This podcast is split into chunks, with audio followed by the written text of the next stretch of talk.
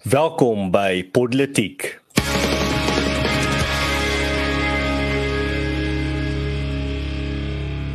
Goeiemôre, ek is Erns van Sail en saam met my in die ateljee Sharnay Mostert en Louis Boshoff in 'n vandag se episode Afriforum by die Verenigde Nasies, NGV frustrasies en ANC se elektroniese voertuie praatjies. En ehm um, kom ons begin sommer dadelik uh, hierdie week se politiek ontnonsens met die eerste storie wat 'n uh, storie is wat ek uh, persoonlik uh, ervaar het en dit is Afriforum by die Verenigde Nasies. So julle sou nou definitief as julle Afriforum se um, sosiale media dopgehou het, sou julle gesien het daar's bietjie van 'n 'n buitelandse veldtog aan die gang. So Afriforum het in 2023 ons internasionale bewusmakingsveldtog by die VN uh, voortgesit en net soos in 2022 uh, waar ons ook die VN besoek het, was hierdie veldtog ook veelsidig uh, en meer uh, meer doelig. So uh ons eerste komponent van ons veld tog was om vir SURD uh, te besoek so wat is SURD SURD is die VN se komitee vir die beëindiging van rassediskriminasie en ons het hulle besoek want dit is hierdie jaar 2023 Suid-Afrika se beurt om deur 'n hersieningsproses te gaan by SURD waar SURD gaan hersien en evalueer die Suid-Afrikaanse regering uh hoe hulle diskriminasie in hulle land beveg. En toe ons Afriforum in 2022 ons verslag daarin gehandig het, toe het Sir vir ons gesê maar julle moet volgende jaar weer gerus kom deelneem want dan gaan julle uh, Suid-Afrika uh, hersien word en dan kan julle ook weer nog 'n verslag indien en daar gaan 'n geleentheid vir 'n voorlegging wees. So dis presies wat ons gedoen het. Ehm um, ons het weer nog 'n verslag opgestel, 'n nuwe verslag wat saam met ons aanneem dan deel van die proses gaan vorm. Ons eerste verslag het gekyk na al die voorbeelde van 'n uh, diskriminasie, 'n uh, maatspraak teen minderhede, ehm um, wat sedert 2020 gebeur het. Uh en ons 2023 verslag het spesifiek gekyk na die meer as 116 rassewette van die regering wat die Suid-Afrikaanse regering in werking gestel het sedert 1994 in my voorleggingsgeleentheid het ek hierdie verslag spesifiek ehm um, versterk deur nog voorbeelde te noem van waar hierdie diskriminasie deur die regering ehm um, 'n werklikheid word. En dit is nou byvoorbeeld die regering se planne om boere uit te sluit van tariefvrye uitvoere na die e-, Europese Unie en die Verenigde Koninkryk as ook uh, die departement van ehm um, sanitasie en uh, het gespesifiek seker maak wat daai ehm um, uh departement was ja, dit is die departement van uh het kyk ek nou uh my plekkie so verloor. Uh ja. So die departement van water en sanitasie spesifiek wat rassekriteria as 'n voorwaarde ingestel het vir watergebruik lisensies en dit is on, ook 'n onlangse ehm um, stukkie nuus wat ons uh, ek dink bespreek het op een van die episodes. So dis van die voorbeelde wat ek daar genoem het. En toe is daar 'n tweede geleentheid ook en ons kan nou-nou 'n bietjie uh, ingaan oor wat by Sudok gebeur het as deel van hierdie proses. Die tweede geleentheid was 'n deelname aan die forum vir minderheidskwessies waar ons weer eens as uh, waar ek ook as Afriforum verteenwoordiger 'n uh, spreekbeurt gekry het en om in 2 minute op te som uh eintlik maar hoe die kwessies wat minderhede raak in Suid-Afrika en weer eens daar het ek gepraat oor plaasmoorde, um oor rassewette en oor uh die verskillende tipes diskriminasie diskriminasie wat die regering homself aanskuldig maak. So dit is in 'n netedop wat uh, by die VN gebeur het, maar terselfdertyd ehm um, het daar ook veel ander ontwikkelinge uit hierdie aksies van Afriforum voortgevloei, maar ek sou eers bietjie julle gedagtes hoor voor ek ehm um, verder van daai besonderhede gee. Ja, dankie Ernst, dit is lekker om vanmiddag saam met julle oor hierdie onderwerpe te gesels. Uh, ek dink eerstens ons ons verwys baie keer daarna na hoe mense van ons ouderdom die politiek in Suid-Afrika ervaar. Dat die narratief wat ons nog hoor in die parlement en deur die ANC veral is een van ehm um, wat het die vorige bedeling gedoen? Hoe was dit onder apartheid? En dan is ons verweer elke maal ehm um, maar ons het nie eers geleef gedurende apartheid nie. En ehm um, dit is nie Afrikaners vandag se se idee of of wat uh, daar gebeur het nie. En ehm um, uh, nou kan ons na die internasionale prentjie kyk en sien ehm um, in die jare 90s is die politiek in Suid-Afrika baie in die internasionale oog gewees en is dit 'n uh, narratief rondom apartheid en die beëindiging van apartheid gewees. Hmm. Maar as 'n mens nou die die internasionale verhoog betree en praat oor Suid-Afrikaanse politiek, praat jy nie meer noodwendig met mense wat ehm um, apartheid vars in die geheue het of wat wil weet wat is die nasionale party of enigstens daai idee het van Suid-Afrikaanse politiek nie. Uh daar is natuurlik nog 'n groot aantal uh, sulke mense oor, maar 'n mens kry al meer te doen ook met uh op die internasionale verhoog met jong mense wat 'n nuwe beeld van Suid-Afrika wil vorm op grond van wat tans aan die gang is um, en nie op grond van wat 40 50 jaar terug hier gebeur het nie. En, en daarom dink ek is dit baie goed dat AfriForum en uh, die solidariteit beweging na vore tree en ehm um, uh, verkondig aan die wêreld in Suid-Afrika wat is die politieke stand van Suid-Afrika vir mense wat vandag leef en nie vir mense wat leef in 'n 'n oorgangstydperk in die 90er jare nie.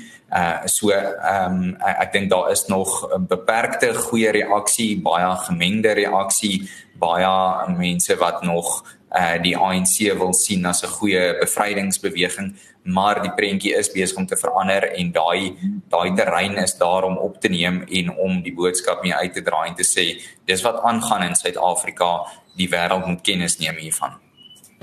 Hmm. Ja, absoluut Louis, ek stem 100% saam met jou. Adens, ek wil graag 'n bietjie terugvoering kry uh, van jou kant af. Ek weet die minister van um of ja, van die departement van justisie en korrektiewe dienste het gesê dat ja, daar is plaasmoorde, maar moorde bly oor die algemeen of oor die algehele 'n groot probleem en dat ons nie spesifiek net kan fokus op plaasmoorde of plaasaanvalle nie. Wat was die terugvoering van die VN gewees op sy stelling? Ja, so miskien net voor dit die konteks waarin dit gebeur het. Ehm um, so ja, deel van hierdie hersieningsproses het van Suid-Afrika, uh, daar was ook 'n delegasie of 'n afvaardiging van Suid-Afrika daar onder leiding van ehm um, uh, Ronald Lamola en ehm um, die daar was 'n vraag aan aan aan die Suid-Afrikaanse afvaardiging gevra deur 'n komitee lid van SUD. Ehm um, sy het gevra uh oor plaasmoorde en haatspraak wat bydra tot plaasaanvalle en dan ook plaasmoorde ontkenning deur uh, figure soos Julius Malema en wat die regering doen om hierdie kwessies uh, aan te spreek. En uh, Brendan Horner se wrede moord is spesifiek as voorbeeld genoem deur uh, hierdie assert komitee lid by die VN. En dit kom alles uit um, uit Afriforum se 2022 verslag uit. So ek's baie bly, ek was baie dit was bemoedigend om te sien dat hy Afriforum se verslag gelees en Afriforum se verslag het 'n uh, vraag oor plaasmoorde woorde en kill the boer um by hierdie um uh, VN geleentheid geïnspireer. Dit was nogal bemoedigend om te sien. Um en Ronald Lamola natuurlik regeringsverteenwoordiger um se antwoord daar was maar net dat um, ag plaasmoorde is maar net gewone geweldmisdaad en 'n uh, uh, uh, ongelykheid is 'n dryfveer en die die surd verteenwoordiger het, het daarop gereageer en gesê maar dis 'n baie vaag antwoord op haar vraag. Ehm um, sy die regering se se spesifiek die die woord vaag gebruik om die regering se verduidelikings en verskonings te beskryf en uh, sy het gesê in 'n verslag wat by hulle ingehandig is en dis sy praat van Afriforum se verslag is minstens twee gevalle van plaasmoorde gedokumenteer wat direk met Kildeboer uh daai dreensang verband hou. Sy het ook versoek dat die Suid-Afrikaanse afvaardiging aan Sud meer besonderhede oor hierdie sake moet verskaf waar uh, eh, kildeboer uh, spesifiek verbind word aan plaasmoorde asook die vervolging van plaasmoordenaars en Lamola het gesê hy sal terugkom na die komitee toe nou of hy daai inligting gaan gee of nie um, dit gaan ons nog moet sien. Um, so daar's klare uh, impak wat Afriforum gehad het deur ons voorlegging en ons verslag is dat uh, vir die eerste keer in geskiedenis is die kwessie van plaasmoorde en kildeboer by 'n VN forum uh geopper. Vir die eerste keer is hierdie kwessie van plaasmoorde word daar ernstige vrae oor dit gevra deur uh, verteenwoordigers van 'n internasionale organisasie soos die VN. So dit was 'n geskiedkundige uh, gebeurtenis by uh, by by SUD en dan ook um, nog 'n soort komitee lid, ehm um, meneer Jung Sik Yoon het uh, met Afriforum se 2022 soort verslag in sy hand. Hy het gesien hoe sit hy daar's 'n foto of ek het 'n skermskoot daarvan geplaas van hom met ons verslag in sy hand. Het die Suid-Afrikaanse afvaardiging versoek om besonderhede te verskaf oor die vordering van die hofsaake teen Julius Malema en die EFF met betrekking tot die Kilde Boer dreensang. En Namola het gesê dat die gelykheidshof uh, het beslis dat uh, die dreensang nie haatspraak is nie maar het bevestig dat 'n appelsaak wat deur Afriforum gedryf word uh, aan die gang is. So dis net ook 'n paar voorbeelde van um, wat daar ge, genoem is en die impak wat Afriforum gehad het. So net dalk om af te sluit Wat is die doelwitte wat Afriforum wou bereik het deur hierdie tipe besoek? Wel eerstens dit gee om om deel te neem aan hierdie tipe forums en om by verslae in te dien by by die VN gee bou ongelooflik jou organisasie se legitimiteit op 'n internasionale verhoog en dit bou jou reputasie ook as 'n betroubare bron van inligting van uh, minderheidskwessies in Suid-Afrika en die kwessies wat minderhede raak in Suid-Afrika. Dis ook 'n waardevolle netwerkgeleentheid. Onthou by 'n geleentheid soos die Forum vir Minderheidskwessies is daar honderde ander organisasies van reg oor die wêreld wat minderhede in hulle eie lande verteenwoordig en wat baie keer met dieselfde tipe kwessies uh, te doen kry as minderhede in Suid-Afrika en om daai met daai organisasies te skakel is is baie waardevol en ek het um, by die by die Forum vir Minderheidskwessies. Ehm um, dit maak ook vir jou baie deure oop as as Afriforum byvoorbeeld uitreik om met 'n uh, 'n uh, verskillende verskillende organisasies of individue prominente individue te skakel. Help dit nogal om uh, in daai e-pos byvoorbeeld aan te heg dat jy het al 'n voorlegging by die VN as organisasie gedoen. Dit wys dat ehm um, jy's 'n ernstige organisasie en dit dit help regtig met daardie deure oopmaak. Ehm um, dit soos jy ook gesê het reg gesê het Louis dit plaas hierdie kwessies soos diskriminasie teen minderhede en uh, kill the boer en plaasmoorde op die op die rekord sodat niemand ooit kan sê maar niemand het vir ons gesê nie niemand het ooit vir ons in kennis gestel van hierdie kwessies nie. En dan laastens dit uh, moet ook verstaan word binne in wat iets wat ons op politiek altyd noem en dit is die ANC se formule van die balans van magte. So die ANC kyk na die balans van magte of plaaslik of internasionaal en gebruik daardie ehm um, evaluasie van die balans van magte om te bepaal of hulle gaan besluite neem en of hulle gaan aksie neem. So as hulle voel dat die meerderheid van magte is teen hulle of dat die die ehm um, die skaal weeg nie in hulle guns nie, dan sal hulle nie voortgaan met 'n aksie of met 'n 'n tipe plan van hulle nie. En uh, hierdie tipe aksies van AfriForum help om veral op die internasionale platforms um die balans van magte teen die ANC um te dwing. Um Die ANC as organisasie is hoogs allergies vir enige tipe kritiek op 'n internasionale platform en jy kan sien in hulle reaksies as hulle gekritiseer word of selfs net 'n bietjie van 'n moeilike vraag gevra word, hoe verkrummel hulle en hoe spartel hulle en uh, dis juist waarna waarmee AfriForum ook dan um, bydra met hierdie tipe aksies. Maar uh, ja, as daar enige ander vrae oor hierdie tipe uh, veldtog van AfriForum is, ek het gisteraand op my Engelse internasionale YouTube kanaal uh uh episode gedoen waar ek die vrae van die gehoor regstreeks geantwoord het oor spesifiek hierdie veld tog so gaan kyk daarna as jy nog meer uh, vrae oor hierdie oor hierdie veld tog het maar uh, nou dit daar gelaat die volgende uh, stukkie nuus is bietjie meer plaaslik en dit is hier in ons agterplaas is nog 'n 'n afkorting. So ons gaan nou van die VN na die NGV en dit is uh Louis wat vir ons bietjie meer daarvan wil vertel. Dis jou veld tog wat ek weet jy baie baie kennis oor het Louis en jy's altyd in die voorste linies as dit kom by wat by die NGV storie aan die gang is. So wat is die nuutste nuus op daai front? Ja, so die nasionale gesondheidsversekering wetsontwerp word uh soos ons nou hier sit en gesels terselfdertyd uh, gedebatteer in die nasionale raad van provinsies so net kortliks die die Suid-Afrikaanse parlement bestaan formeel uit die twee kamers die nasionale vergadering en die nasionale raad van provinsies. Uh, ons verwys baie keer uh, net na die nasionale vergadering as die parlement maar ehm um, nou uh, die uh, NGV wetsontwerp is reeds goedgekeur deur die nasionale vergadering en ehm um, kan heel moontlik vandag binne enkele minute selfs uh, goedgekeur word deur die nasionale raad van provinsies. En dan word dit van daardie af na die president se kantoor gestuur en hy kan dan besluit om dit uh, as wet te onderteken of om dit terug te verwys na die parlement.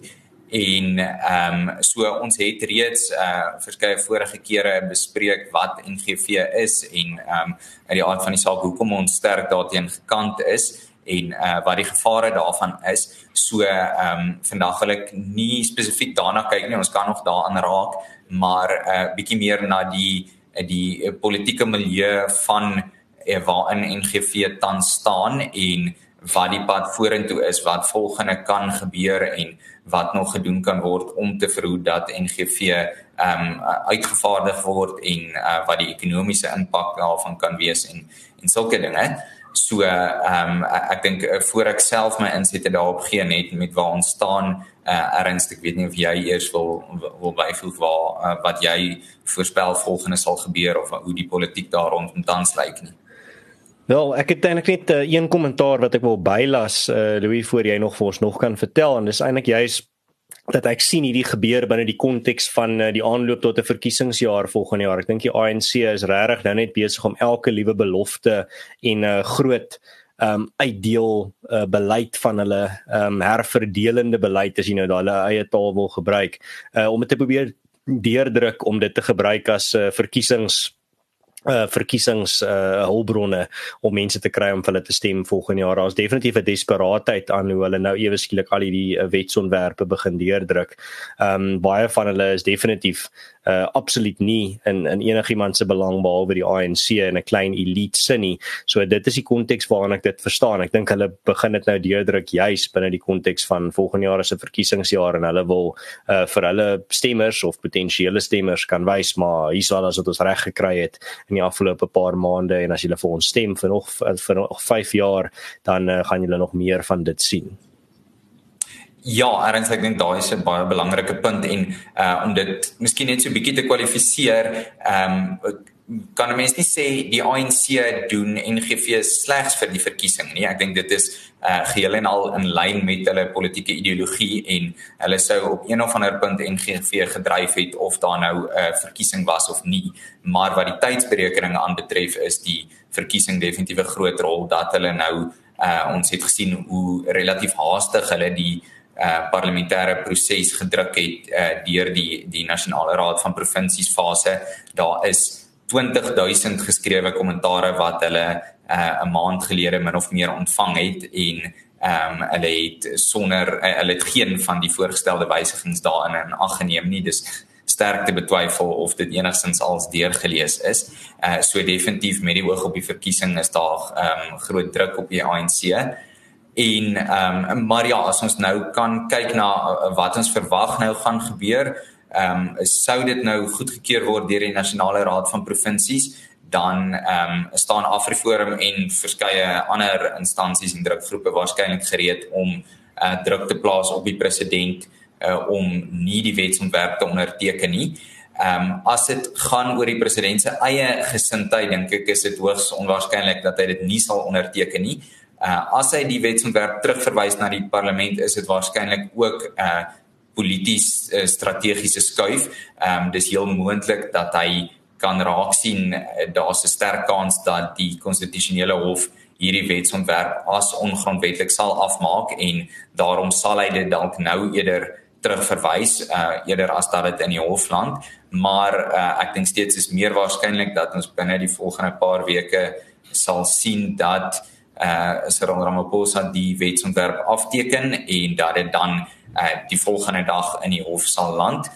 Uh daar is uh, verskillende maniere hoe dit kan gebeur. Uh opposisiepartye in die parlement het die voordeel om direk die konstitusionele hof te kan nader terwyl ander partye of drukgroepe uh eers die Hooggeregshof sal moet nader en daar kan dit dan A of B bevind word en dan geappeleer word na die appelhof en daarna na die konstitusionele hof so afhangende van watter partye eers betrokke raak en eh, en hoe dit lyk ehm um, kan ons sien dat dit of eers in die konstitusionele hof land of dadelik wat ehm um, op sigself ehm um, lag lag meer as 'n jaar kan duur of dit kan eers ehm um, in die Hooggeregshof land en indien daai hele proses in ag geneem word sal dit etlike jare duur wat dit in die hof is en ehm um, dit dit sal ook afhang van wat die hof aanvanklik bevind. Dit kan gepaard gaan met 'n hofbevel wat eers die implementering van NGV verbied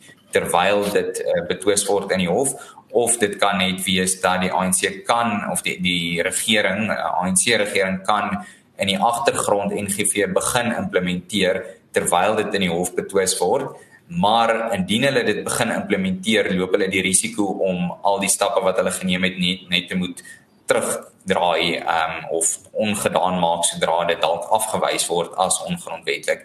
So ons kan ten minste seker wees dat daar 'n traagheid sal wees om dit te implementeer sodra dit in die hof land.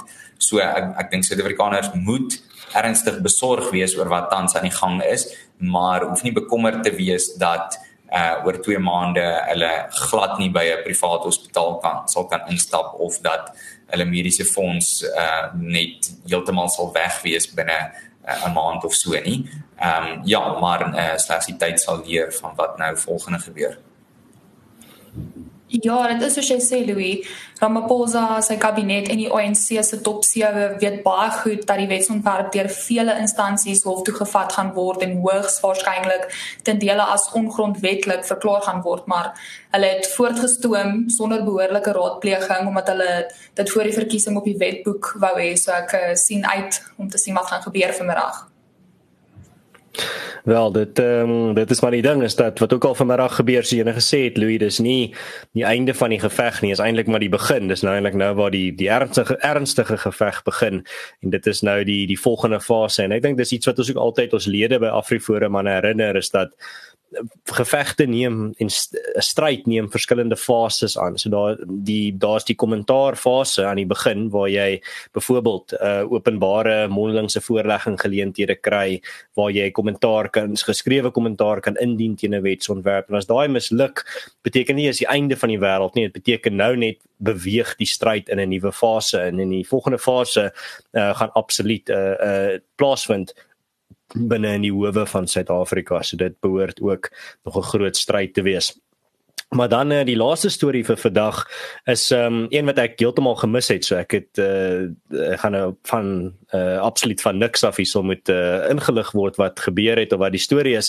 En dit is die ANC se elektriese voertuie praatjie. Sharnay, dis die storie wat jy vandag gekies het. Um vertel vir ons hoekom het hy vir jou uitgestaan? Ja, nou om te begin, alles wat die ANC nou wysig moet geanaliseer word met 'n verkiesingsbril, soos ons nou gehoor het vanmiddag. So ook die goedgekeurde wetskrif oor die vervaardig en uitvoer van elektriese voertuie in Suid-Afrika. Dese strategie wat die regering nou poog um, om die winsgewende uitvoermarkte van Suid-Afrika te bewaar. Die nasionale tesourie sal in Februarie verdere besonderhede bekend maak oor die uitvoere van hierdie voertuie.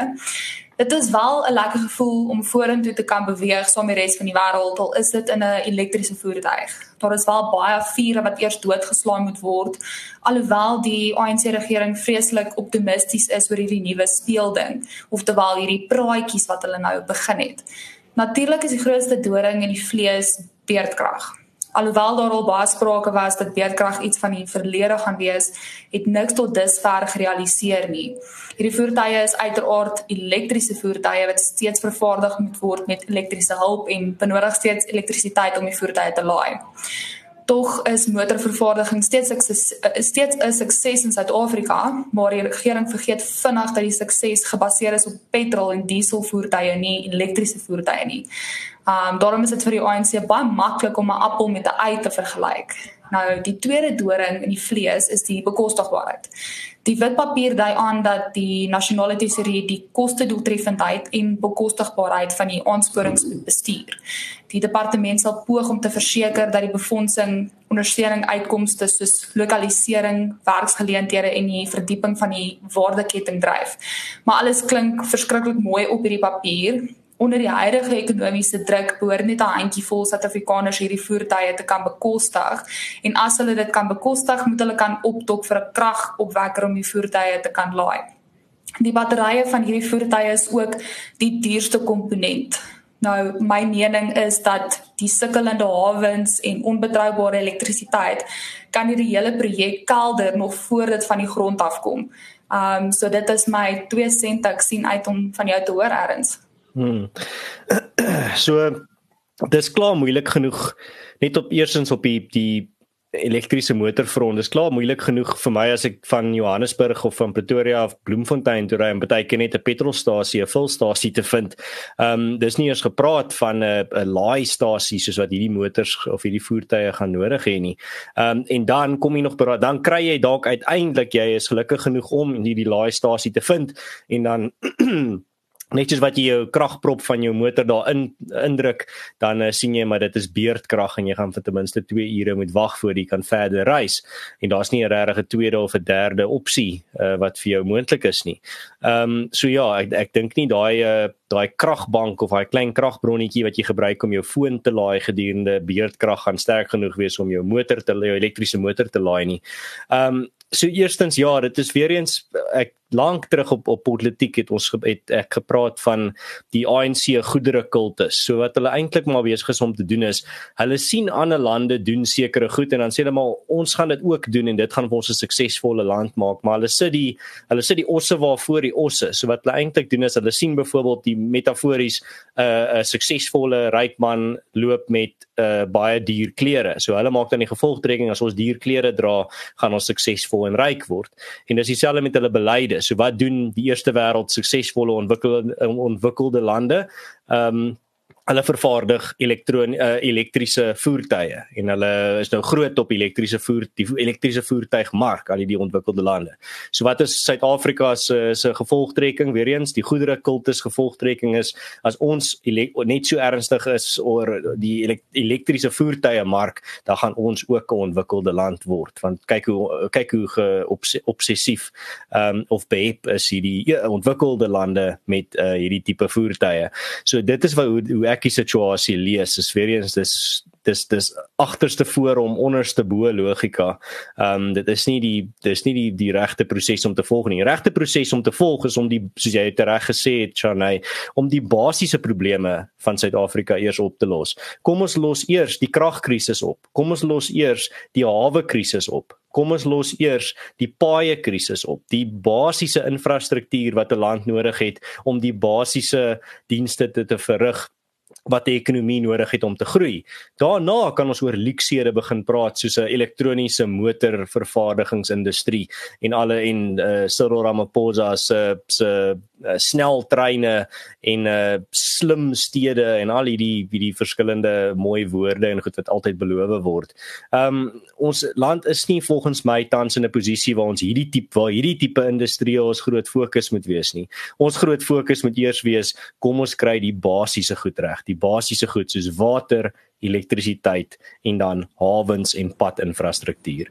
Daarna kan ons fokus op bietjie meer ingewikkelde goed soos elektriese motor in die, ons elektriese motorindustrie een van ons groot industrieë maak. Maar soos ek vroeër gesê het, dit dis nie hoe die ANC se goederekultus logika uh, werk nie. Hulle hulle sien goeder so bietjie anderste en hulle soos ek sê, hulle sit die die osse waarvoor die osse.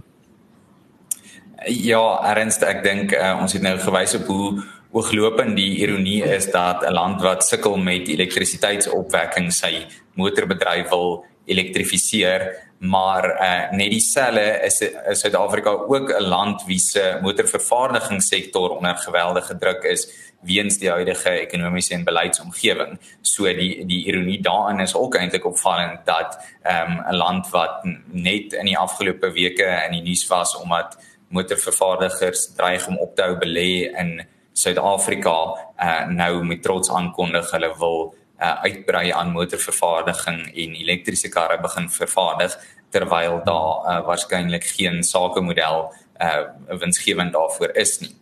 So uh, ek dink uh, om so 'n bietjie op te som daaraan elektriese voertuie is wonderlike tegnologie en ek dink selfs in Suid-Afrika het dit reeds 'n beperkte plek in die mark uh, as jy 'n uh, voorstedelike inwoner in uh, Johannesburg of Pretoria is en jy het sonpanele op die dak en pendel daagliks 'n uh, kort afstand teerpaaie uh, is dit definitief iets wat jy kan oorweeg en ek is seker die uh die die winsgewendheid daarvoor uh, is is moontlik maar anders as Europa en baie ander plekke in Suid-Afrika is daar uitgestrekte plattelandse gebiede waar uh, die elektriese voertuie nog nie so sinvolle opsie is nie en om nou uh een of ander uh deur een of ander staatssubsidie of nasionale plan of iets elektriese voertuie daar te wil inforceer gaan definitief nie werk nie en ek dink dit is hoogstens iets waaroor ons kan uh, giggel as nog 'n vreemde opmerking van die die regering gewees. Ehm um, maar ja, daarop dan nou dit is waarskynlik ons laaste episode vir die jaar en Ernst het 'n paar uh insette waarmee hy vir ons daaroor wil afsluit of of 'n afsluitingsgesprekkie so ernstig gee oor aan jou. Hmm. Uh, ek wil net eers vir Shanay kans gee. Ek sien uh, sy het ook nog 'n laaste gedagte gehad wat sy wou gedeel het op hierdie storie. En aangesien dit haar storie is wat sy gekies het, dink ek ehm um, gaan ek gou vinnig vir daai kans gee voor ons afsluit.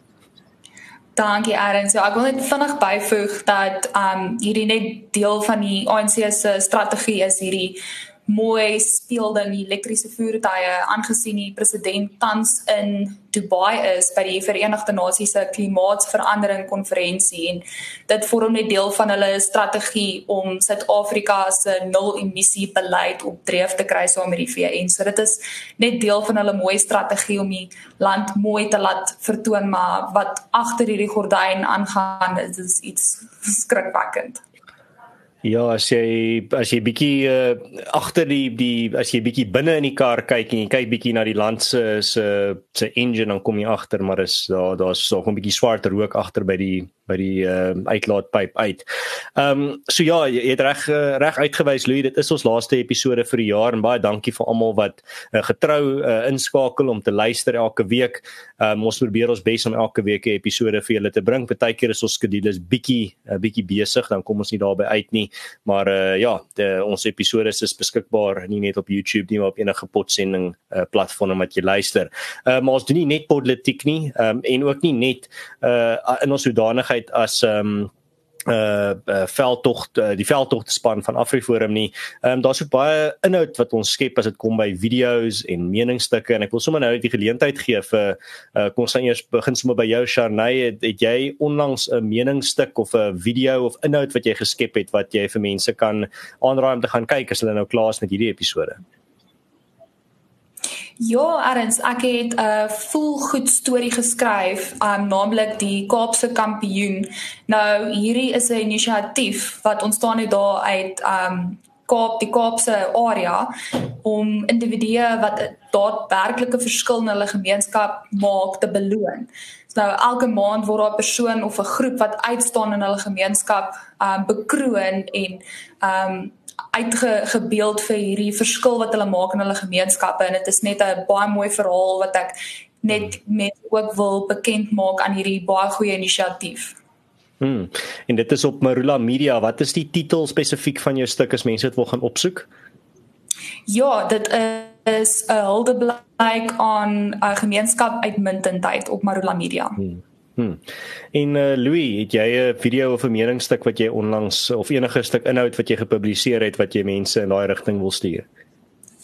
Ja, ernstig, ek wil mense maar eers te verwys na my profiel op X, ehm um, hmm. net onder my naam Louis Boshoff uh, op Twitter of die ou Twitter en daar deel ek alles. Ek het onlangs vir Pretoria FM nuus kommentaar geskryf spesifiek oor die ANC regering se beheptheid met reëls maak of hulle beheptheid met nuwe wetsontwerpe waarna ek so 'n bietjie oorsig probeer gee oor die glo dit of nie 74 wetsontwerpe wat tans in die parlement dien en ehm um, ek het ook die gewoonte om my meningsstukke vir uh, Marula Media of enige ander publikasie voor te lees en dan uh plaas hulle dit ook in die vorm van 'n kort potgooi so die wat uh my inhoud eerder wil luister as om dit te lees is welkom om dit ook te doen. Hm. En daai ehm um, nuuskommentaar wat jy vir Pretoria FM geskryf het, wat is sy titel as hulle as mense dit wil gaan opsoek? Uh as ek dit korrek het, die die ANC regering is behep met reëls maak. Hm, reg so. En aan my kant ja, ehm um, Ek het nou nie onlangs 'n meningsstuk gepubliseer nie, daar is een wat tans uh, op pad is na Marula Media toe oor spesifiek die VN veldtog, so hou Marula Media dop vir dit um, onder hulle debat seksie. En dan um, inhoudsgewys ja, my my nuutste episode op my uh, Conscious Caracal Engelse YouTube kanaal het ek daar 'n bespreking gedoen oor um, spesifiek om jou vrae te beantwoord oor uh, Afriforum se VN uh veldtog. So jy kan gerus daar gerus daar gaan loer, daar's ook 'n video daarso van um, op Afriforum Forum se YouTube kanaal kan jy ook 'n video gaan vind van my voorlegging voor die VN. As jy nuuskierig was dit nog nie gesien het en wil gaan kyk wat ek alles daarso uh, gesê het. Nou ja, uh, baie dankie vir almal wat ingeskakel het. Dankie dat julle hierdie jaar uh, saam met ons die nuus ontnonsens het en uh, los vir ons 'n resensie op wat ook al potsending platform jy na ons luister en uh, los ook 'n kommentaar in die kommentaar afdeling. Ons lees gerus wat julle gedagtes uh, en klagtes dalk is met ons program en uh, ons gee vir julle terugvoer daar so vinnig as moontlik. Ek hoop julle geniet uh, die res van 2023 en ek hoop julle het 'n geseënde Desember en dan ook 'n geseënde Kersfees van die politiek span af. Ons sien julle dan weer volgende jaar, maar as julle in die tussentyd nog uitgehonger is vir nuus en vir inhoud, ehm um, hou ons individuele sosiale media platforms dop uh vir die nuutste inhoud ook wat julle kan verslind of dit nou iets is wat jy kan lees of luister of kyk, daar gaan altyd iets uh, gepubliseer word op of Charney of Louis of my eie uh, sosiale media. So hou dit dop. Alrite, totsiens julle, mooi loop en ons sien julle weer volgende keer.